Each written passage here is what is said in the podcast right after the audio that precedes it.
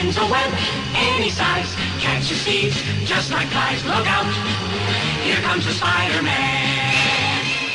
Tegneserierne Spider-Man, Black Panther og Captain America ryger i dag ind på den fine hylde for litteraturhistorie, når de i dag bliver udgivet på det fornemme, verdenskendte forlag Penguin Books.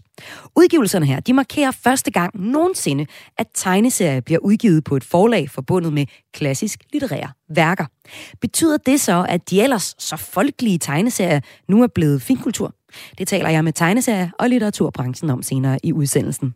Og sidste udsendelsen her i dag, der får jeg besøg af to fra filmbranchen, som man godt kan sige øh, står midt i en orkan, der truer med at gøre dem arbejdsløse. I sidste uge, der droppede streamingtjeneste efter streamingtjeneste at producere dansk indhold.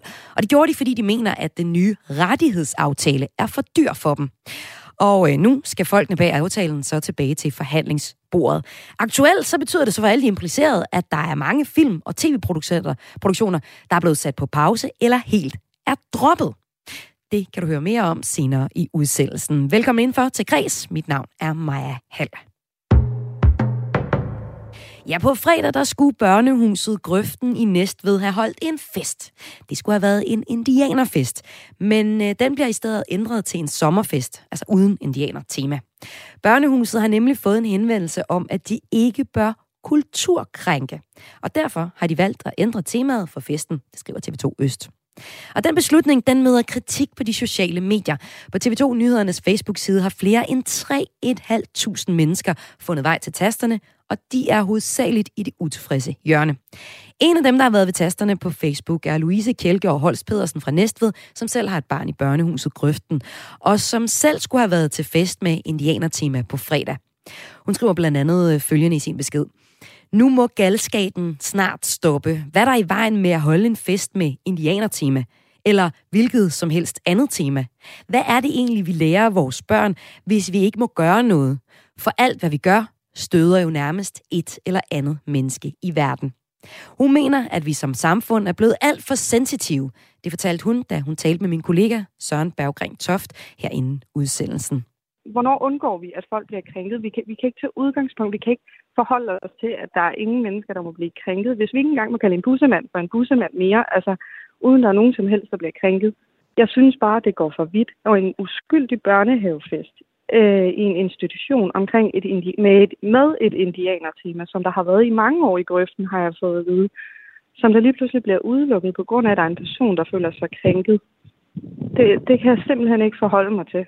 I skulle have været til den her indianerfest på fredag. Det er nu blevet ændret til en sommerfest i stedet for. Hvorfor, hvorfor synes du, det er så problematisk, at de ændrer det her tema? Jamen, øh, for det første er det problematisk for børnene. Øhm, jeg regner med, at flere af forældrene har sagt, at det er en indianerfest. Nu fik vi en... Øh, vi fik to stykker papir med hjem omkring den her indianerfest, og så fik vi en indianersang, vi skulle øve med børnene. Øhm, det er en sang, vi ikke kan synge mere, fordi den omhandler de her indianere. Øh, og det er der sikkert nogle af børnene, der har glædet sig til. Nogle af børnene har glædet sig til, at de skal rende med fjer på hovedet, at vi skal gå rundt og sige, uh, uh, et eller andet. Altså, jeg synes, det er, øh, det, det skaber et tillidsbrud øh, mellem børn og forældre, øh, og generelt bare de voksne. Øhm, for det kan også være, at der er flere af pædagogerne, der ligesom har lovet børnene og, og sagt det her, at vi skal holde indianerfest, og vi skal lave noget med fjer, et eller andet. Øhm, der, der er bare, øh, det mister noget tillid til børn, eller med børnene, fordi kan de så stole på de voksne? Øhm, så øh, det er da problematisk, men det er da også problematisk, at man ændrer det, fordi øh, at der er en, der føler sig krænket. Øhm, nu ved jeg, at der er flere forældre, der øh, har samme mening, som jeg har. Øhm, hvor, hvor, hvor, hvor, hvorfor er der en person, der kan ødelægge det for alle os andre? Hvorfor er der en person, der kan ødelægge traditionen, som børnehaven Grøften har holdt i så mange år? Øhm, det kan jeg simpelthen ikke forholde mig til. Du nævner selv det her med, at, at, at ofte når vi klæder os ud som indianere, så tager vi en fjer på hovedet, og så går vi rundt og siger uguk, og så siger vi, at øh, sådan er indianerne. Men, men og det er, der, det er der jo så nogen, der mener, at det er en racistisk stereotyp. Og når der nu er nogen rigtige mennesker, der bliver ked af at blive fremstillet på den her måde, er det så ikke helt ok, at vi rent faktisk også stopper med det? Jamen, det er jo sådan, vi har opfattet indianerne før i tiden. Det er jo sådan, man opfatter indianere med en fjer på hovedet. Det er jo så, det, hvad kan man sige, hvis du, hvis du sammenligner det med børn, der opfatter prinsesser, som der går i kjoler, de vil gerne have kjoler på, og så er de en prinsesse eller en krone på hovedet, og sådan, altså, men i virkeligheden er det jo bare ikke sådan. Jo, prinsesserne har da en kjole på en gang imellem, men ellers så går de da også i normalt tøj, eller bukser, eller bluse, et eller andet. Øhm, de har ikke altid store valgkjoler på, eller øh, til en fodboldlandkamp, hvor at man kan se, at øh, ja, det er Danmark, der spiller, og flere tager røde trøjer på for ligesom at støtte og hæppe på Danmark. Men det modsatte hold, det vil jo blive kringet over, jamen der er nogen, der hæpper på Danmark. Så bliver man jo allerede krænket der, men, men kan vi ikke have det her? Kan vi, kan vi ikke have en verden, hvor man kan lære om de forskellige kulturer?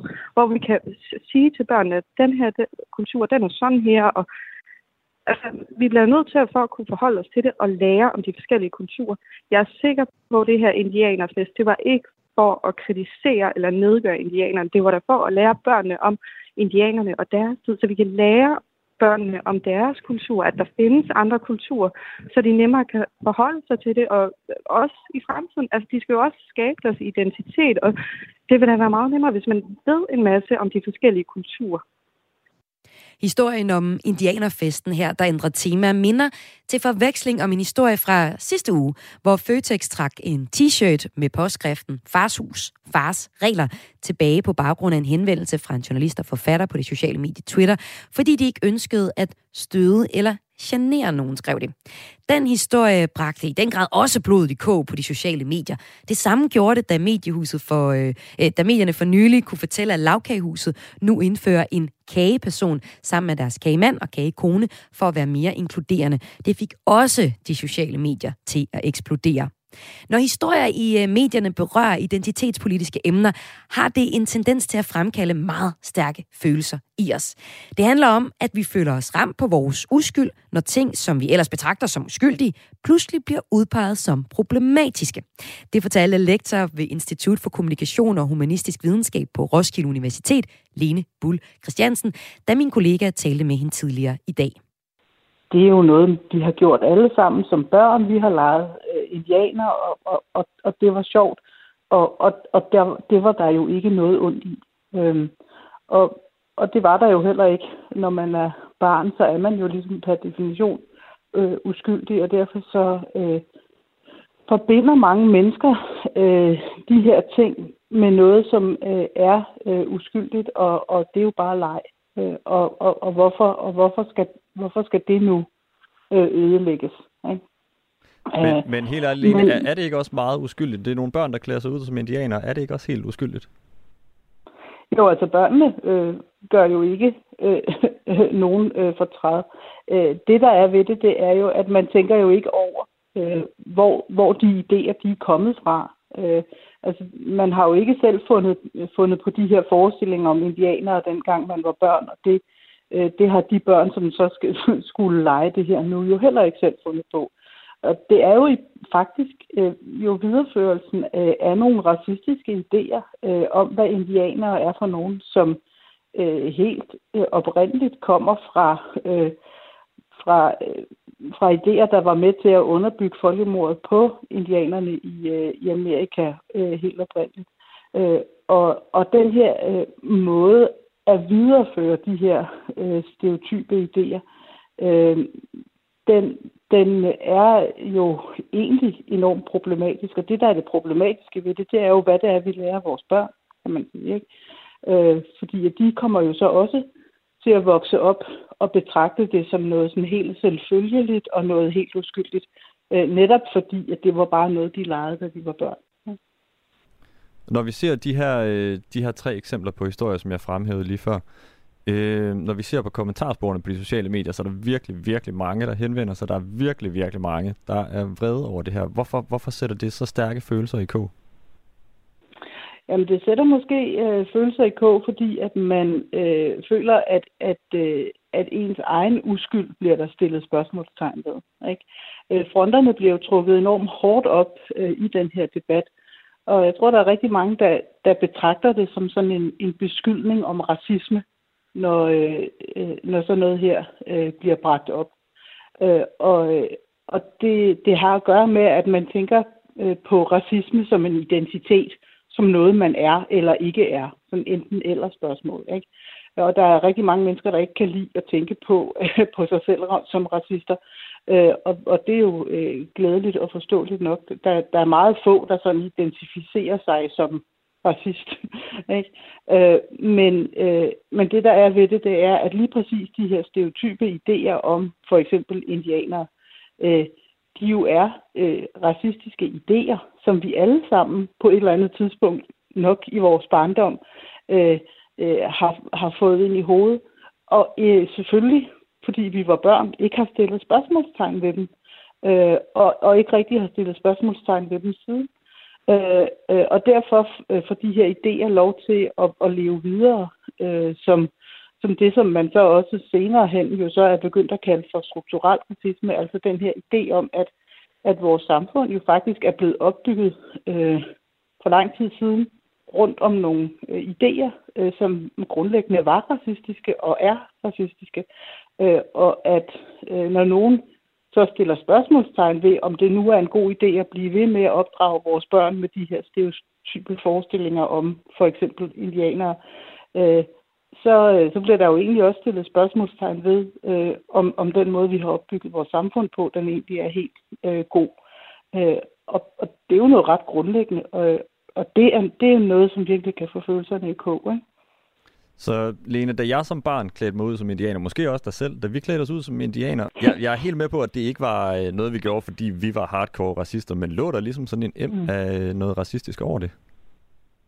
Jamen altså, øh, ideen om, at indianere, de er sådan nogen, der, der øh, render rundt øh, med, med fjer i håret og siger uk, uk, og, og, og er, er lidt mærkelige og uforståelige. Ikke? Altså det, det er jo en, øh, en grundlæggende sådan racistisk øh, forestilling om, at, at de her mennesker, de er, de er anderledes. De er også øh, tilbagestående på forskellige måder øh, og sådan noget. Ikke? Øh, og, og, og den, øh, den tankegang, jamen den er jo øh, øh, blevet skabt i forbindelse med, at man gerne ville undertvinge de her mennesker. Øh, og så har de øh, forestillinger fået lov til at leve videre øh, på forskellige måder, øh, Øh, både i populærkulturen, men også i det her med, at man kan lege indianer, for eksempel. Ikke? Øhm, øh, og, øh, og, og det er jo ikke, fordi der er nogen, der gør det her ud af ond vilje. Øh, øh, det er simpelthen bare øh, et spørgsmålstegn, at man, ved, altså, man har simpelthen aldrig fået stillet spørgsmålstegn ved de her øh, måder at tænke på. Øh, og, og fordi at det netop er noget, som man forbinder med øh, barndom og sjov og leg, jamen så, øh, så tænker man ikke over, at der faktisk ligger noget dødsens alvorligt og meget ubehageligt øh, bag ved de her måder at tænke på. Det er TV2 Øst, der oprindeligt har lavet den her historie om øh, børnehuset Grøften i Næstved, der ændrer temaet for deres sommerfest, så det ikke længere er en indianerfest. De har også talt med et byrådsmedlem i Næstved Kommune, det er Venstres Sebastian Mølsted Sjænstrøm. Han kalder det her for en del af en uheldig tendens, og han siger, at det bliver meget hurtigt sådan, at hvis jeg som person har et problem med et eller andet, så kan jeg sige, at jeg føler mig krænket, og så er det hævet over enhver diskussion, at jeg har ret. Har han ikke også lidt ret i i dag, at der, at der er folk i dag, der bliver krænket over så mange ting, at det bliver sådan lidt et minefelt at navigere i? Jo, altså jeg vil jo så sige, at, øh, at, at dem, der, øh, dem, der bliver meget vrede over, at en indianerfest øh, skal skifte tema, øh, de jo øh, har enormt let ved at blive krænket. Altså, øh, øh, tænk, tænk, at der er nogen, der kunne finde på at, at, at blive sure over vores fest. Ikke? Øh, hvad hedder det? Og, og så føler man sig krænket. Øh, så på den måde har han som, så, som sådan ret i det. Øh, jeg tænker ikke, at det nødvendigvis øh, er et personligt spørgsmål, øh, om man, øh, at der er en person, øh, der føler, at de bliver ked af den her indianerfest. Jeg tænker, det nærmere er, at der er nogen, der stiller spørgsmålstegn ved, om det her det er en god idé øh, at blive ved med at lære vores børn, at sådan noget her øh, kan, man, kan man bare øh, gøre for sjov. Øh, at man bare kan videreføre de her stereotype forestillinger om indianere for sjov. Øh, og, og, og hvad hedder det? Og, og, og, der, og der, der mener jeg også faktisk, at han tager fejl. Øh, fordi at han, han tænker, at det her ene og alene handler om en persons øh, krænkede følelser. Øh, og øh, og det, det, det, det tænker jeg ikke, at det gør. Men kan der ikke også være noget om det her med, hvis jeg læser hans citat rigtigt, at der er så mange ting, der ændrer sig i de her tider, at nogen faktisk måske har lidt svært ved at finde ud af, hvad der er ok i dag? Jamen altså, jeg, jeg er helt øh, enig med ham i, at, at, der, at der er øh, øh, i vores øh, samtid øh, en større lydhørhed over for øh, at, øh, at stille spørgsmålstegn ved nogle af de her gamle konventioner. Øh, og, øh, og det, øh, hvad hedder det, det er selvfølgelig svært at følge med i. Altså, øh, og, og jeg kan sagtens forstå, at, øh, at folk har svært ved at, øh, at finde ud af, hvad der er op og ned nogle gange. Øh, men, jeg, men jeg tænker, at hvis man øh, lige trækker vejret og, øh, og træder et skridt tilbage og lader være med at lade sig krænke over, at nu må man ikke holde indianerfest længere, øh, så kan man nok egentlig godt forstå, at det her med at videreføre stereotype idéer og lade vores børn øh, videreføre dem, og lære vores børn de her øh, stereotype forestillinger om andre mennesker, at det faktisk ikke er nogen særlig god idé, øh, og at øh, øh, der ville ikke have været noget i vejen for at holde Marvel-fest i stedet for, eller et eller andet. Øh, der er jo masser af fiktive universer og alle mulige andre temaer, som man, øh, som man kan kaste sig over. Øh, så det her med at, at partout vil holde en indianerfest, øh, det, øh, det er måske i virkeligheden bare ikke en god idé ikke en god idé at holde indianerfest, og det bliver altså heller ikke til noget. Her lød det fra øh, lektor fra Institut ved Institut for Kommunikation og Humanistisk Videnskab på Roskilde Universitet, Lene Bull Christiansen, om den her historie med, at øh, en, øh, en børnehave nu ikke holder øh, indianerfest i Næstved. Det er børnehuset Grøften, der er tale om. Det var første historie her i Kulturmagasinet Græs, som du har tunet ind på her på Radio 4. Om lidt skal det handle om, hvordan det er at være for eksempel filminstruktør eller skuespiller eller en anden i filmbranchen netop nu, hvor de store streamingtjenester helt har droppet at producere dansk indhold. Jeg faktisk afslører, at øh, selvom deres job og eksistensgrundlag er ret truet i filmbranchen, så er de stadig optimistiske. Vi skal høre fra to af dem senere i udsendelsen. Men først skal vi tage en øh, status på tegneseriebranchen. Du lytter til Græs med mig, Maja Hall.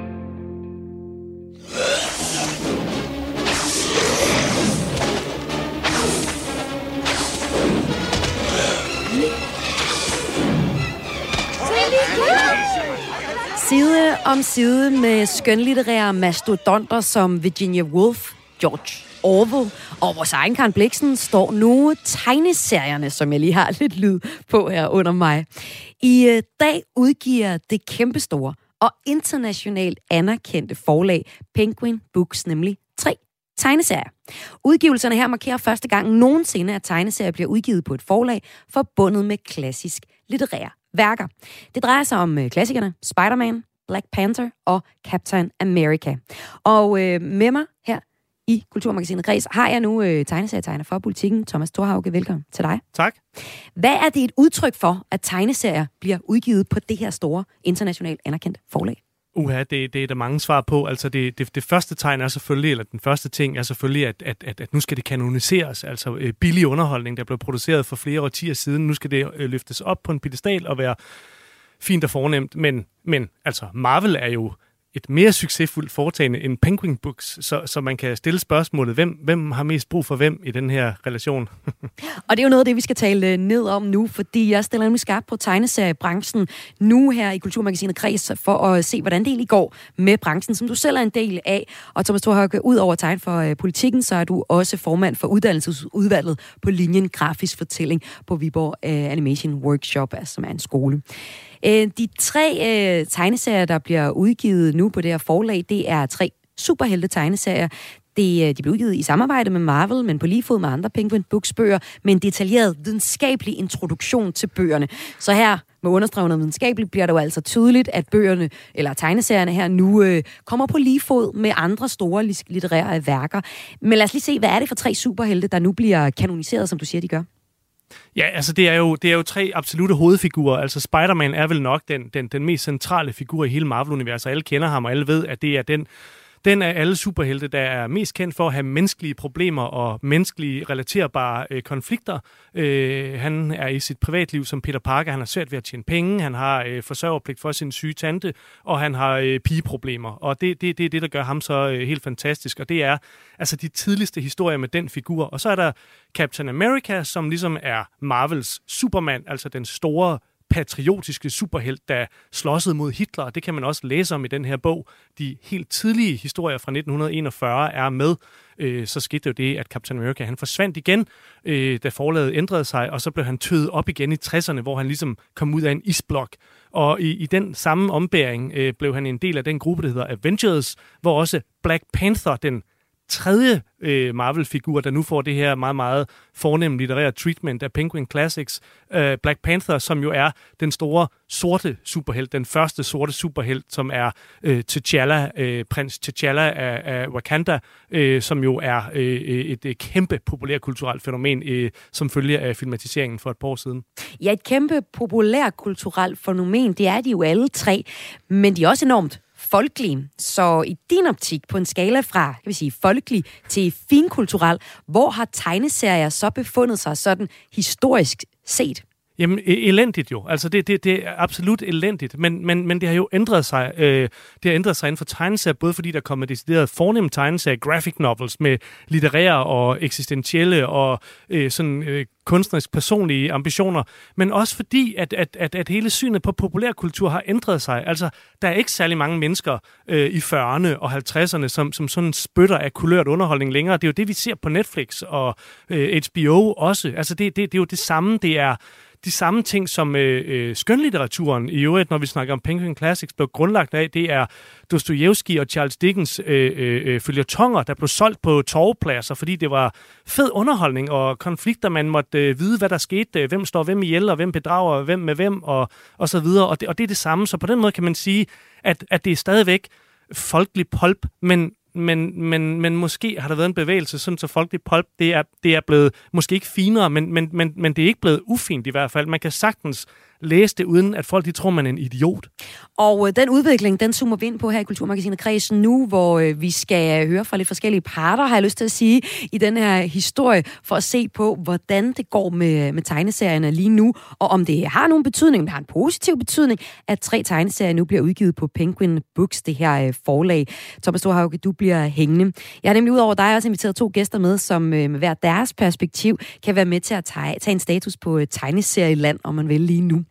Om lidt skal vi høre fra en fra det nye kul af tegneserietegner om, hvordan hun oplever branchen lige nu. Men øh, først skal vi tale med litterær agent fra Gyldendal om forlaget Penguin Books. Jeg kan sige velkommen til Lise Brun Rosendam. Velkommen til. Tak.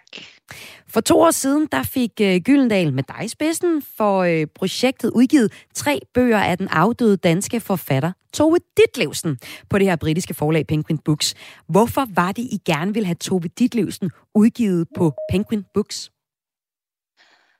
Uh, jamen altså, det tror jeg altid gerne, man vil. Uh, jeg tror ikke, det er et spørgsmål om vilje, det er mere et spørgsmål om, om muligheden for det. Hvorfor vil man så gerne det? Fordi at Penguin står for noget helt særligt, når det kommer til litteratur. De er, øhm, de er jo kendt for at, at, at udgive bøger til, til alle mennesker, og det er et, et kæmpestort vindue at komme igennem Penguin. Øhm, og lykkes man med det, jamen så åbner det som regel en masse, hundens masse flere døre til en masse nye steder og en masse nye læsere. Og øh, hvis vi ser på Penguin Books, så er det det her britiske forlag, det blev grundlagt i 35 af Alan Lane. Øhm, og historien går sådan på, at øh, øh, året for inden det blev grundlagt, der var han på vej til, til London efter at besøge sin ven Agatha Christie. Jeps, krimiforfatteren, så stopper han øh, ved sådan en, en uh, togstations bogbod og ser, at alle bøgerne de var i dårlig kvalitet og til overpris. Og så besluttede han sig for, at der skulle gode bøger til gode priser, som alle havde råd til, ud på markedet. Og så øh, grundlagde han Penguin Books og skabte en paperback-revolution, der øh, nogen vil sige demokratiserede, det siger de i hvert fald selv, kvalitetslitteratur, og, og også ændrede forlægsverdenen på mange måder. Forlaget har arbejdet med berømte klassikere, øh, klassiske forfattere som Sylvia Plath, George Orwell, Leo Tolstoy, Virginia Woolf, øh, også øh, nyere Marion Case, øh, Dan Brown. Altså en masse store forfattere. Nu er det så tegneserier, de øh, udgiver. Må jeg bare lige høre dig? Øh, er du overrasket over, at de har taget tegneserierne til sig? Mm, både og. Altså, tegneserier er jo vidderligt helt nyt for dem at hoppe ud i, men samtidig oplever jeg jo nok også, at tegneserier er noget, både tegneserier, det vi kalder graphic novels, er noget af det, som er på vej frem. Mm. Så jeg ser, at de tænker, at de ser en mulighed for at, for at få fat i nogle nye, nye læsere, øh, og der er en målgruppe. Og hvis vi så ser på jeres eget, øh, egen udgivelse med, med Tove Ditlevsen, øh, hun er en, en forfatter, blevet anerkendt for at skrive om kvindeliv på en ny og også meget ærlig måde. Hun tager udgangspunkt i øh, sin egen barske historie med misbrug og indlæggelser på psykiatrisk afdeling, og øh, debuterede så i 39 med digtsamlingen Pigesind. Hun tog sit eget liv i 76, 58 år gammel, og øh, det er jo sådan nogle af de her erindringsromaner, det er Gift, det er Tidlige forår og romanen Ansigterne, som nu udkommer i klassikerserien Penguin Modern Classic, øh, og gjorde det for et par år siden, hvor Karen Bliksen som den første dansker ellers er udkommet. Nu er det så spændende at høre, hvilken betydning har det haft for udbredelsen af Tove Ditlevsens værker, at Penguin Books har udgivet hende? Ja, men det har været helt fantastisk. Det har været et, øh, en kæmpe dør og port, vi har åbnet til hele verden. Øhm, jeg tror, i dag er vi oppe på 3-34 lande, som udgiver hende, øh, og det er verden over. Det er, ja, alle læser hende. Hun har, var på New York Times liste over mest bedste bøger sidste år, 10 bedste bøger sidste år. Det er stort set ingen for ondt af danske øh, forfattere normalt, så det er usammenligneligt, hvad det har betydet for lige nøjagtigt det her forfatterskab. Og vil du også sige, at, at uh, Tove Ditlevsen med det her, den her udgivelse er blevet kanoniseret, ligesom vi hørte Thomas Thorhauge sige om, om tegneserierne?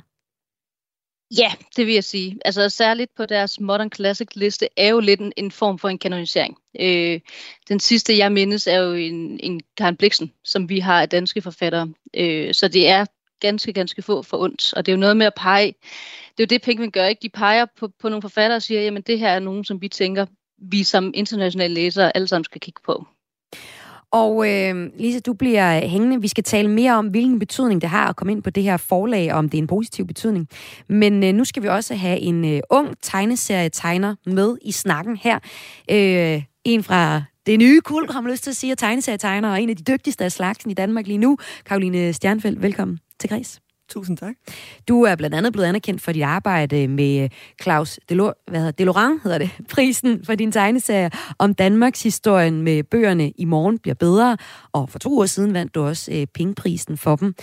Hvis jeg må høre dig, sådan baggrunden for at blive tegneserietegner, altså hvilken betydning har tegneserier haft for dig øh, sammenlignet med skønlitteratur? Jamen, altså jeg var meget inspireret af begge dele. Jeg øh, troede oprindeligt som, øh, som ung kvinde, at jeg ville være forfatter. Øhm, så øh, hen i teenageårene, så blev jeg meget inspireret af tegneserier, særligt manga, som mange andre i min generation. Når vi snakker tegneserier her i Vesten, så var det jo særligt øh, rigtig, rigtig stort i 80'erne, og var jo faktisk ikke på samme måde stort for min generation, hvis man er fra 90'erne. Der, hvis man læste det, så var det ens forældres tegneserier. Så på den måde kom, øh, det har Jakob Stikkelmann blandt andet engang sagt, at øh, han mener, at manga redder tegneserien i Vesten, og det synes jeg er meget klogt set. Der er rigtig mange i min generation, der blev interesseret i tegneserier via manga, og så måske netop gik tilbage og læste de her danske, europæiske, vestlige, amerikanske tegneserier efter den inspiration. Øhm, det var også det, der skete for mig. Jeg blev helt vild med tegneserier, og har også altid tegnet, så indså jeg, at det var jo det, jeg skulle. Øhm, jeg synes, det der er særligt ved tegneserier, er grunden til, at det er der, jeg endte, som en, der er meget, meget optaget af historiefortælling særligt, øh, eller hvordan man fortæller en god historie. Øh, så var det lige præcis tegneserier, jeg øh, er blevet så glad for, fordi jeg synes, det tegneserien kan, det er, at den har ligesom blandt andet skønlitteraturen, den her private, intime læseoplevelse. Øh, en tegneserie, ligesom en skønlitterær bog, øh, sker ikke, medmindre du selv aktivt interagerer med den. Historien foregår øh, kun på siderne, når du får den til at ske, og det giver dig den her meget intense læseoplevelse, som er meget, meget personlig, øhm, og særlig for det medie, synes jeg.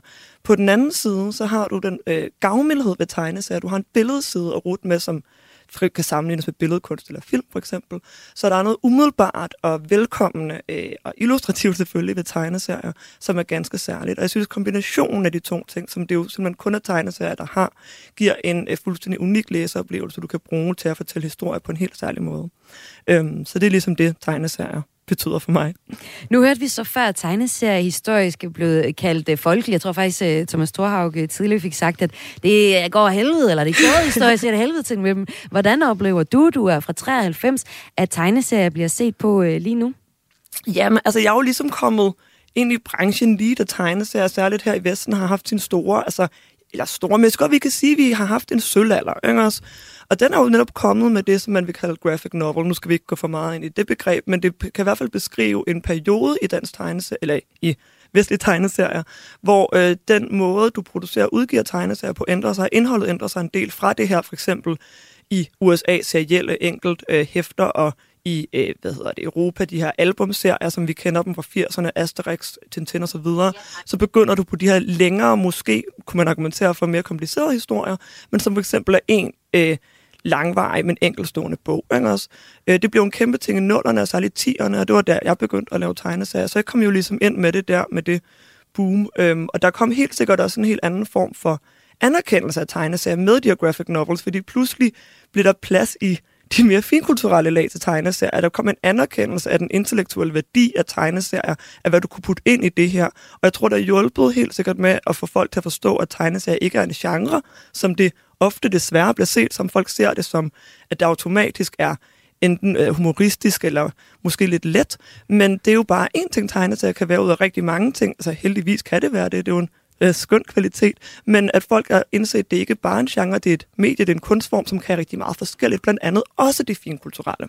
Altså hvis jeg lige må øh, ja, indskyde... Øh, for med os, der har vi stadig Thomas Thorhaug, og det er nu... Lad os bare, lad os da bare tage hul på snakken, øh, Thomas. Må jeg ikke øh, lige få præsenteret dig for lytterne også, fordi der er der lige tunet ind her på øh, Kulturmagasinet Kreds her på Radio 4, så vi vil gerne have en snak om, hvordan det går med tegneserier lige nu. Og det gør vi, øh, fordi at tegneserierne Spider-Man, Black Panther og Captain America, America i dag bliver udgivet på øh, det her internationalt meget anerkendte forlag Penguin Books, et af verdens største, der udvikler, man kan sige, det udmærker sig lidt ved at være sådan god smag. Og øh, Thomas Thorhaug, ud over at være tegneserie, så er du også formand for øh, et uddannelsesudvalg på en, en tegneserie-linje. Øh, øh øhm, det, vi skal til at tale om nu, det er, øh, hvordan det, hvilken betydning det har for tegneserierne, at de bliver udgivet på sådan et meget fornemt lag her, og hvordan de ligesom bevæger sig i, på linjen over folkelig til, til fin kultur. Og Thomas Thorhaug, du var i gang med at sige noget. Værsgo. ja, ja jamen, jamen tak, tak. Øh, og tak for recappet øh, til nye lyttere. Jo, altså det jeg bare vil sige, sige til Karolines øh, øh, glimrende analyse, det er, at det, det er også en analyse, der har en skyggeside, som i virkeligheden også er relevant for historien om Tove Ditlevsen, der udkommer på, øh, på Penguin Classics. Altså, og det er, at, og, og jeg ved, det jeg nu siger, det er utrolig banalt, men altså, vi lever i en verden med content, som det hedder. Altså, der bliver produceret så meget indhold, som er designet til alle menneskers fritid eller overspringshandlinger på deres arbejde. Ikke? Og der, der er så meget af det, og der er så mange producenter, og der er folk, der prøver at lave nyt content, og der er nogen, der prøver, som Metode Ditlevsen, at promovere gammelt content og, og, og rekontekstualisere det, kan man sige. Men, men, men altså, sagen er, at, at det, det er en verden, hvor det er utrolig vanskeligt at få opmærksomhed, og det er en verden, hvor det er utrolig svært at tjene penge. Og så kan man sige, øh, fra et forbrugerperspektiv, at det måske lige meget om øh, dem, der producerer det, tjener penge, fordi bare de får det. Men, men, men det er jo det, der sikrer, at der bliver lavet ordentligt indhold. Og, øh, og det er jo rigtigt, at graphic novels for 10 år siden fik øh, en enorm stor øh, opmærksomhed og også anerkendelse. Og det var, havde man meget sådan tørstig efter, og, og, og det blev også solgt. Men da Valhalla nummer 1 udkom øh, omkring 1980, udkom det i et første oplag på 100.000 eksemplarer. Og det er jo slet ikke de tal, vi snakker om i dag overhovedet. Og vi har vendet os til, at de tal, også for skønlitteratur på Gyldendal, er lavere. Altså, der er nogen, der laver de der kanonsucceser, som virkelig brager igennem, men for langt de fleste udgivelser er vi nede på øh, altså nogle tal, som, som, som er øh, øh, firecifrede, eller, eller, eller noget af den stil, ikke? og som, som bare ikke er bæredygtige øh, for dem, der laver det, og derfor skal man finde på andre ting at lave, og, eller, eller, eller noget af den stil, ligger. Altså man skal tænke det anderledes. Og, og, og det, det er jo altså en hård realitet, uanset om man oplever i pressen, at der er bling-bling og hype og, øh, og snak og sådan noget, at der er den her content-ting øh, øh, ting i, i verden nu, og den er ikke på vej væk. Men der kan vi jo også lige høre øh, uh, litterær igen fra Gyldal Lise Brun Rosenberg. Øh, uh, Dam, du har netop fået udgivet uh, To Ditlevsen, uh, og er det bare et udtryk for at få ja, tjene nogle penge? Det gætter jo på at halvdelen af svaret. Øh, jeg vil sige, det er ikke svaret her på nogen måde. Det her, det er for mig, og det er jo nærmere en kulturel begivenhed, vi faktisk oplever, at, at dansk forfatter kommer ud og får det store vingesus og får den opmærksomhed. Øh, så, og, og som Thomas siger, altså, der er jo på ingen måde den samme økonomi i, i publishing i dag, som der har været tidligere. Det er helt usammenligneligt. Så, og man kan sige, særligt sådan smallere litterære titler, jamen det er ikke, det er ikke penge, der er det.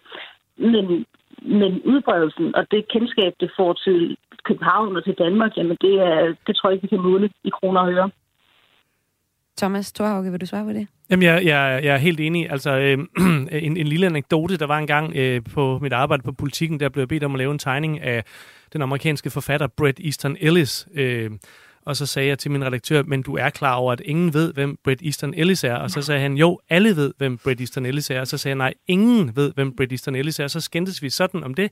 Og øhm, så øh, fik vi den idé om, at man kunne måske gå ned af Nørrebrogade eller Vesterbrogade i København og simpelthen begynde at spørge folk fra en kant af. Øh, og, og, og hvis man tænker på det på den måde, altså det er selvfølgelig en vinkel, så er, det, så er der virkelig ikke særlig mange, der ved, hvem Bret Easton Ellis er, men, men har man gået på universitetet eller et eller andet, så, så kan det godt være, at man har følelsen, at alle ens venner øh, øh kender det. Og, og, og, og altså, på en eller anden måde kan man sige, at jeg er en person, der virkelig elsker skønlitteratur, jeg elsker tegneserier, jeg elsker populærkultur, jeg, jeg ønsker det alt det bedste. Men, men jeg bliver også lidt bange for de der boble øh, kulturelle selvforståelse, hvor man render rundt og high five og siger, øh, øh, øh, øh, hvor, hvor er det fedt, for, fordi mm. man sådan sidder og tænker, ja, øh, det kommer an på, hvordan man ser det, fordi der er en realitet, og det er, det er den der med, at, at der er et prekariat nu, ikke, altså af, af løsarbejdere, som virkelig har svært ved at tjene penge på deres øh, kreative ting, og det er jo selvfølgelig bare ansvar. Så hvis jeg lige lidt fræk skal oversætte det, du siger, øh, Thomas, øh, måske mest for min egen skyld, så er det i hvert fald, det jeg forstår på dig, det er, at det er rigtig fint, at øh, vi nu i dag ser Spider-Man, Black Panther og Captain America blive udgivet på øh, Penguin Books, men øh, det er nogle anerkendte tegneserier i forvejen, og de bliver måske bare udbredt en lille smule mere og kommer på hylden som en, en kanon. Men reelt set, så har det ikke så stor betydning for, øh, for tegneserielandskabet i det hele taget, og, og en som dig, der selv er, er tegneserietegner, eller øh, Karoline Stjernfeldt, som jeg så med. Jo, men altså, jeg vil sige, altså, jeg synes jo lige så helt ret i, at der, der er en anden betydning, der ikke måske direkte har noget med, med økonomi at gøre, og det er, det er øh, udbredelse og anerkendelse. Og, og, og det, som jeg synes, øh, da du startede med at spørge, om, om det er blevet mere eller mindre folkeligt, som, som er spændende, det er det er som om, at det er en anerkendelse af det folkelige. Mm. Og, og det synes jeg er godt, fordi man, man kan altså ikke sige, at de tre bøger, der nu er udgivet, de har høj litterær værdi. De har, de har anden værdi, de har, de har fortælleteknisk værdi, og, men, men, men mest af alt har de en form for mytologisk øh, øh, øh værdi, fordi at superhelte er på en eller anden måde i det amerikanske litterære landskab den helt store idé i det 20. århundrede. Det er den idé, der har der har smadret alt, og her i starten af det 21. århundrede altså dominerer fuldstændig, altså ideen om, at hvad, hvad kan mennesker udrette, hvis de har særlige kræfter, og det har man fundet ud af, at man kan spænde så mange historier på, og, og, og det er jo et koncept eller en idé, og, og, og det øh, synes jeg virkelig også er værd at bruge øh, en kanon-instans øh, som Penguin Classics til at sige, det er virkelig noget, der er noget værd, selvom at det ikke er noget værd på samme måde som Scott Fitzgerald, The Great Gatsby, eller Krig og Fred af Tolstoy, eller sådan noget. Det, det, det, det, værdien skal findes et andet sted, men den værdi, den er signifikant, og det viser de her tre udgivelser. Og Karoline Stjernfeldt, må jeg ikke også lige afslutningsvis øh, høre dig, hvad det betyder for dig som en, øh, en øh, ung tegneserietegner, at øh, man kan blive udgivet på store forlag? Jamen, det er da klart. Ja, selvfølgelig det, kan man det, men altså også øh, på den her måde. Jamen, det er da klart, det er da opmuntrende, øhm, og jeg synes da, det øh, er fedt, at der er kommet den her anerkendelse af tegneserier som finkulturelt. Jeg synes, det måske øh, er gået lidt langsomt. jeg synes, at nogen, øh, jeg synes, at det er jo, det er jo indlysende. Øhm, men det er, jo, det er jo klart, at det giver en blåstempling, som, øh, som, kun Pink, som, som kun et forlag som Penguin kan give. Øhm, altså, man ville jo ønske, at folk kunne se det af sig selv. øhm, og jeg, øh, jeg håber jo selvfølgelig også, at man kan indse, at tegneserier generelt har værdi igen som en kunstform med mange, mange forskellige øh, udtryksformer. Øh, og også øh, dem, som ikke kommer på Penguin, at man ligesom kan indse, at det ikke altid behøver den blåstemning for at være interessant. Det var øh, det, vi øh, nåede. Jeg synes, vi kom godt omkring øh, tegneserier, hvordan det går med branchen lige nu. Tusind tak, fordi I var med her i Kulturmagasinet Græs, litterær igen fra Gyldendalen, Lise Brun Rosenberg Dam. Hvis du er med nu, men tak, fordi du var med i hvert fald. Også tegneserietegner Karoline Stjernfeldt og tegner for politikken Thomas Thorhauge. Selv tak. Tusind tak. Og vi tog altså en status på, øh, hvordan det går med, med tegneserieland i dag, fordi der i dag bliver udgivet øh, tre tegneserier på øh, det store forlag Penguin Books, og det er øh, tegneserierne Spider-Man, Black Panther og Captain America. Du lytter til Græs med mig, Maja Hall. Efter årlange forhandlinger har aftalen, der endelig skulle sikre den danske filmbranche gode, færre vilkår, givet bagslag. Rettighedsaftalen, der trådte i kraft 1. januar, har fået producenterne til at trække sig fuldstændigt. Det gælder Viaplay, Netflix og TV2, der ikke vil producere dansk indhold, som forholdene er lige nu. Parterne bag aftalen skal tilbage til forhandlingsbordet, men i kalenderen er der også lige nu et møde med øh, Viaplay om aftalen. Jeg taler nu som det sidste her i Kulturmagasinet Kreds med to, der står midt i orkanens øje om, hvordan deres fremtid øh, tegner sig lige nu. En fremtid, der man så man kan sige for os seere lige nu betyder et farvel, øh, hvis det fortsætter sådan her, til danske serier som Kastanjemanden, og et goddag til flere udenlandske serier. Med mig har jeg filminstruktør Rasmus Kloster Bro. Velkommen til dig. Tak skal du have. Du er også forperson i Foreningen Danske Filminstruktører. Og Rasmus Klosterbro, du kalder det her en atombombe, at producenterne trækker sig. Hvorfor det? Ja, altså når streamingtjenesterne trækker øh, produktionerne, som de ellers havde planlagt at lave, så er det jo fordi, at vi er midt i en kamp for kunstnernes rettigheder. Altså retten til ikke bare at få en løn, men også at, få, at, kunne leve af den udnyttelse, der sker af de værker, man laver på, øh, på lang sigt. Og det, det, er jo, det er jo normen, og den vil de gerne øh, lave om på. Og øh, du er så også en del af Foreningen Danske Filminstruktører, som hører under Create Danmark, der repræsenterer alle indholdsskabere. Grant Danmark har forhandlet den her rettighedsaftale, som det hele handler om, sammen med Producentforeningen, der så repræsenterer øh, vi sige, producenterne af film og tv-serier. Fra Create Danmark har jeg skuespiller også, Benjamin Bo Rasmussen, der også er formand for Skuespillerforbundet. Også velkommen til dig. Tak skal du have. Benjamin Bo Rasmussen, du ser det som også en ret brutal reaktion på aftalen, at streamingtjenesterne droppede at producere dansk indhold. Hvorfor er den brutal? Jamen, det er den jo, fordi jeg skal lige jeg ved ikke, om, om Rasmus har korrigeret det, fordi jeg kunne ikke høre, hvad Rasmus sagde. Det er jo ikke producent, altså TV2 og, og, og, øh, og Netflix, de er jo ikke producenter, det er øh, distributører eller streamingtjenester. Ja, det er klart. De har jo lavet, okay, Øhm, altså, jeg synes jo, den er brutal, fordi at det er jo, øh, vi har jo lavet en aftale, fordi at vi gerne vil bevare det rettighedssystem, der findes i Danmark, det vi kalder for den danske rettighedsmodel, hvor, altså sammen med producentforeningen, hvor det, at vi udbetaler rettigheder, hvad skal man sige, er en del af vores løn. Øh, det betyder sådan set, at vi øh, får en relativt lav betaling for at udføre arbejdet, men så rettighedsbetalingen, som er der, det, vi deler med øh, producenterne, så deler vi sådan set risikoen og også profitten. Og det er jo den model, der gør, at vi har så absurd højt et øh, øh, produktionsniveau i Danmark. Og så det er vigtigt for os at bevare, og det er også vigtigt for producentforeningen, fordi det er jo det, vi skal værne om, sådan så der også er et film- og tv-miljø om 10 år. Ja, så man kan i hvert fald øh, sige, at øh, producentforeningen producentforeningen også, Create Danmark, er på hold i vil selvfølgelig gerne øh, blive enige om en aftale, og i sidste ende så vil øh, øh, dem, der skal distribuere ja. filmene, selvfølgelig også gerne vil have noget indhold til det. Så målet er jo ligesom det samme, men midlet, det er det, der ja. bliver diskuteret her. Og Benjamin Bro Rasmussen, for du også lige øh, kan høre det hele, så øh, hvis du øh, lægger på på Teams, så kan du komme med på en øh, telefon i stedet for.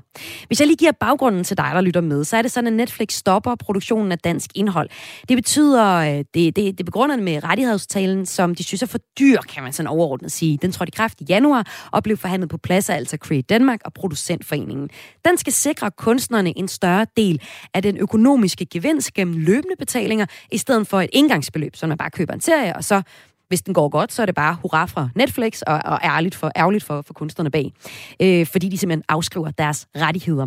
Og det kunne jo være sådan en som, øh, som, øh, som dig, øh, filminstruktør Rasmus Klosterbro. Hvorfor er det vigtigt, at lige præcis du som filminstruktør får ændret på de nuværende arbejdsforhold? Jamen i virkeligheden vil vi jo gerne fastholde de nuværende arbejdsforhold. Altså det, der sker lige nu, det er et paradigmeskifte fra øh, biografmarkedet og tv, og den, den gamle model, man kendte, den, den kommer naturligvis aldrig nogensinde tilbage. Der er kommet nogle streamere ind, som er meget, meget, meget dominerende på verdensplan. Øh, og, og de vil gerne lave om på det. Så hvad kan man sige sådan, vi vil ikke have mere, end vi fik før. Vi vil sådan set bare gerne have det samme. Ellers så hænger det ikke sammen så kan folk, det svarer lidt til øh, for en, for en lønmodtager, at nogen kommer og siger, du får lige et indgangsbeløb her, til gengæld så tager vi hele din pensionsopsparing fra dig. Det, det er ligesom den situation, vi står i. Så, så, øh, så, så hvad kan man sige, hvis man sætter, sætter det rigtig hårdt op, så er det øh, pensionsopsparingen, de tager fra os, men det er også retten til en succes. Det er også øh, det der med, at hvis man laver noget, så vil man faktisk gerne vide, om det falder til jorden, om der er tre mennesker, der ser det, eller om der er 3 millioner, eller 30 millioner, 100 millioner, der ser det på verdensplan. Og det er klart, at sådan, hvad kan man sige, øh, hvis der er 100 millioner, der ser det, så er det rigtig, rigtig, rigtig meget værd øh, for for eksempel en streamingtjeneste. Så når du siger, at I gerne vil have det, som, som det er nu, så er det fordi, der er, er nye spillere på markedet, som ændrer forholdene for, for dig som filminstruktør. Men, øh, men når jeg har hørt jer sådan øh, tilbage i tiden, så har I jo altid talt om jer filminstruktør, om at det er en svær branche at være i. Så er det i virkeligheden bare at, at ville have det, som det var i gamle dage, hvor det også var fra tue til tue og et, øh, et fletværk af økonomi? Det er i den grad stadigvæk fra tue til tue et fletværk af økonomi. Det har, det har streamingtjenesterne ikke ændret på. Men det, de har kommet med, er jo, at der, der ligesom har åbnet sig nogle nye muligheder. De er super risikovillige, de er mega poppede nogle gange, og det har jo måske været svært at komme igennem Filminstituttet med noget, som, som bare skulle ramme et bredt publikum på en eller anden fed, grineren måde. Øhm, det har man jo fået mulighed for med streamingtjenesterne, og det vil vi vildt gerne have, skal være en del af vores økosystem. Det skal bare være det under ordnede forhold, så man ikke ligesom øh, hiver tæppet væk under vores, øh, vores øh, liv eller livsgrundlag på lang sigt. Og nu har jeg jo så også stadig øh, Benjamin Bo Rasmussen, fra, øh, talsperson fra øh, Create Denmark, som har været med til at, at forhandle ja. den her øh, aftale. Øhm, som det står lige nu, så er det jo egentlig lukket ned for produktion af dansk øh, indhold fra øh, Viaplay, fra TV2 og, og fra øh, Netflix. Øh, så for udforstående, så kunne jeg jo godt tænke, men var det egentlig ikke bedre, at I slet ikke havde lavet nogen aftale? Nej, det var simpelthen, altså for det første vil jeg bare lige sige, det er jo stadig, det er jo kun udviklingen lige nu, øh, øh, der er sat på pause, men det er jo også alvorligt nok, hvis det her, her pause bliver for langt. Men, men, men, men aftalen var jo super vigtig, og man kan jo sige, at streamingtjenesterne har jo selv peget på os og bedt os om at lave den her aftale, sådan så streamingtjenesterne havde de samme vilkår at konkurrere under, og vi havde de samme vilkår, at vi kunne tage arbejde under. Altså, så derfor har de jo selv prikket til os, og de der betalingsniveauer, der er, er jo ikke nogen betalingsniveauer, der er kommet ud af det blå. Det er jo nogle af de dygtigste producenter i Danmark, som selv har haft hånden på kogepladen og lavet serier til Netflix og Viaplay og hvad ved jeg, altså som har været med til at lægge de her niveauer, og som er lavet på ryggen af de betalingsniveauer, vi har betalt til streamingtjenesterne, eller streamingtjenesterne har betalt til os i rettighedsbetaling øh, øh de sidste 5-6 år. Altså, så det er jo ikke, et, altså, at det er jo ikke en, en sag om, at vi bare lige har sendt en faktura på en milliard videre. Altså, vi har forsøgt virkelig at udføre rettet rettidig omhu, og vi har da klippet en helt hugget en to i forhold til, hvad vi godt kunne have tænkt os, men det har producentforeningen også. Så vi har faktisk lavet en aftale, som spejler et realistisk øh, øh, øh, niveau. Det er jo også derfor, at det overrasker os alle sammen, også producentforeningen og os, at de reagerer så brutalt, som de gør. Ja, og øh, det du så også siger, det er, at det er situationen lige nu, og i det der ligger der jo også en forhåbning om, at der kan lande en aftale. Og du har sagt til mig, at, at forhåbentlig inden sommerferien kunne der jo godt ligge en ny aftale, som vi man så kan håbe på øh, fra jeres side, at, øh, at Netflix, TV2 og Viaplay er med på. Der ligger i hvert fald en, en aftale med Viaplay i, i næste uge, hvor I blandt andet skal tale om det. Inden vi lige skal høre om, hvad du får håber på at få ud af det, så kunne jeg jo egentlig godt tænke mig at, øh, at høre dig som filminstruktør, øh, Rasmus Klosterbro, hvis vi nu bare tager dig personligt. Hmm. Hvis der ikke sker noget lige nu, hvordan påvirker det så din karriere, at, øh, at, at der er det stop, som der er lige nu? Altså, jeg har ikke selv personligt et, et, øh, et projekt inde hos en af streamingtjenesterne, som er ramt af det her, men jeg har jo meget, meget tætte venner, som har det. Øh, og, og lige nu må jeg sætte mig i deres sted. Det er, det er deres øh, øh dagligdags daglige økonomi, og deres sådan, økonomi, i hvert fald i det her år, der er på spil. Øh, hvad kan man sige, vi laver et kludetæppe af økonomi. Øh, jeg har selv et projekt i udvikling hos øh, Filminstituttet, som er den sådan helt klassiske, gode, gamle måde at gøre det på. En ting, der skal i biografen. Øhm, den er jo så heldigvis ikke ramt nu på den her måde. Men, men det vi går og tænker på, det er jo også, at hvis først der er et hjørne, som begynder at kigge på rettighedsmodellerne og tage dem fra os, og ligesom være dem, der får patent på succesen, så begynder man jo også at kigge på det andre steder. Og så, altså, jeg, jeg regner ikke med, at hvis vi giver os alt for meget på streamingområdet, at biograffilmen så er, er helig. Øhm, vi har tidligere talt med uafhængige medierådgiver Claus Bylov Christensen. Han er bange for, at det her det kan betyde, at nogle af de bedste inden for filmbranchen tager til udlandet for at producere, mm, hvis ja. der ikke lander en aftale, som øh, tjenesterne øh, føler, at de kan producere under. Altså en direkte talentflugt. Er det noget, du oplever blandt dine kollegaer også, ja, som, som forperson i Danske Filminstruktører? Altså nu er her nej. Og jeg vil også sige på den måde, at øh, folk, danske filminstruktører, er, er jo en efterspurgt vare, også i USA og også rundt omkring i verden. De har altid rejst på tværs af grænser og lavet projekter forskellige steder. Øh, og så kommer de jo faktisk hjem igen og bringer nogle af de erfaringer med sig, som de har fået over there, eller down under, eller hvor de nu har været henne. Øh, og så beriger det jo miljøet. Så altså på kort sigt er, man, er jeg jo ikke bange for, at, at folk tager til udlandet, for de kommer bare klogere tilbage. Hvad siger øh, du øh, til det, øh, Benjamin? Altså, jeg ligger på linje med Rasmus der. Altså, jeg, øh, jeg tænker, jeg, altså, jeg tænker, at det, jeg tænker, at Claus måske ikke er helt bevidst om, at det her, det er jo også en del af en overenskomst af den danske arbejdsmarkedsmodel. Det er en måde, at vi holder filmbranchen i live på. Og selvom det skal jo ikke være øh, rigide og ligesom Kirsten Birk sige nej til nyt, vi er nødt til at anerkende, at verden er i bevægelse, og den bliver mere og mere globaliseret, og vi skal også kigge på den måde, vi er vant til at lave systemer på, men vi skal jo ikke give, give, altså give afkald på noget, Øh, øh, øh, øh, fordi vi bliver bange for noget andet. Fordi hvis det kommer til at underminere hele vores øh, øh, øh, film- og tv-system og hele fødekæden, så kan det da godt være, at øh, vi, vi, vi får det, øh, at det bliver lidt ligesom at tisse i bukserne, så er det, er det rart, rart og fint nok nu, men så smadrer vi på branchen på lang sigt, fordi vi producerer jo langt mere, end vi er berettiget til for vores brugerområde, og det er fordi, at vi har den danske rettighedsmodel. Og det er fordi, vi har nogle overenskomster, hvor vores løn er baseret på dels kontantbetaling, men også, at vi deler rettighedsindtægterne. Og det er jo så sådan, at producentforeningen Create Danmark øh, har erkendt, at den her rettighedsaftale ikke fungerer lige nu. Altså, der er jo et, et stop lige nu. Og, og skal jo så i gang med at forhandle igen. I næste uge, så er der et møde med, med Viaplay om aftalen blandt andet. Og lad mig øh, høre dig her afslutningsvis, øh, Benjamin Bo Rasmussen, øh, som ordfører for Create Danmark. Hvad håber du, der kommer ud af det møde? Altså, jeg håber på, altså det vi jo skal, det er jo, vi skal jo ikke, altså aftalen er der jo.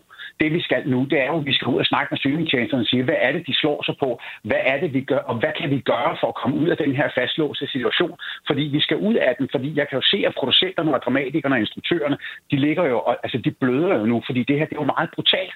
Så vi, og, så, og når Viaplay så rækker ud og siger, at de er parat til at kigge på, at man kigger på det på en anden måde, gør det forbrugsbaseret i stedet for abonnementsbaseret, så synes jeg, at vi er forpligtet til at, øh, øh, at vise bevægelse og kvittere for det den anden vej. Nu sagde du før, at de havde hugget en, en tog og kappet en hæl. Øh, kan der ryge flere læbestele? Ja, det er ligesom ikke. Men altså, det, er jo, øh, det, det har producenterne og også, da vi har lavet den her aftale. Mm. Men kan der ryge flere? Ja. Jamen det må vi jo kigge på. Vi er nødt til at se på, hvad det er for nogle udfordringer, det konkret er. Fordi indtil nu er det jo bare foregået på, hvad skal man suge på en mail frem og tilbage, og så har man stået trukket stikket på udviklingen. Altså vi er jo nødt til at høre dem. Hvad er det konkret? Og der er virkelig faktisk kommet med noget, der er rigtig konkret, og det synes jeg lyder pisse fornuftigt.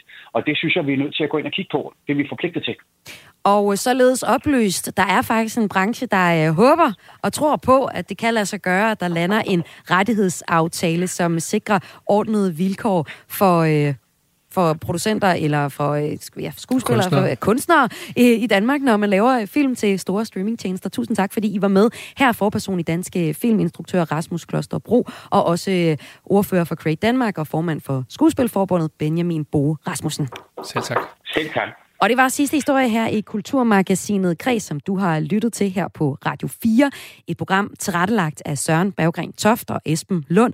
Mit navn er Maja Hall, og jeg har været din vært de sidste 55 minutter.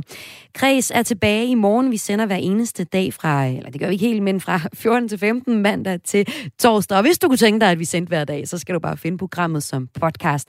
Du kan gå ind i, øh, i øh, din øh, App Store eller Google Play, og så kan du finde Radio 4-appen, og derinde, der kan du finde Kulturmagasinet Kreds og alle tidligere udsendelser.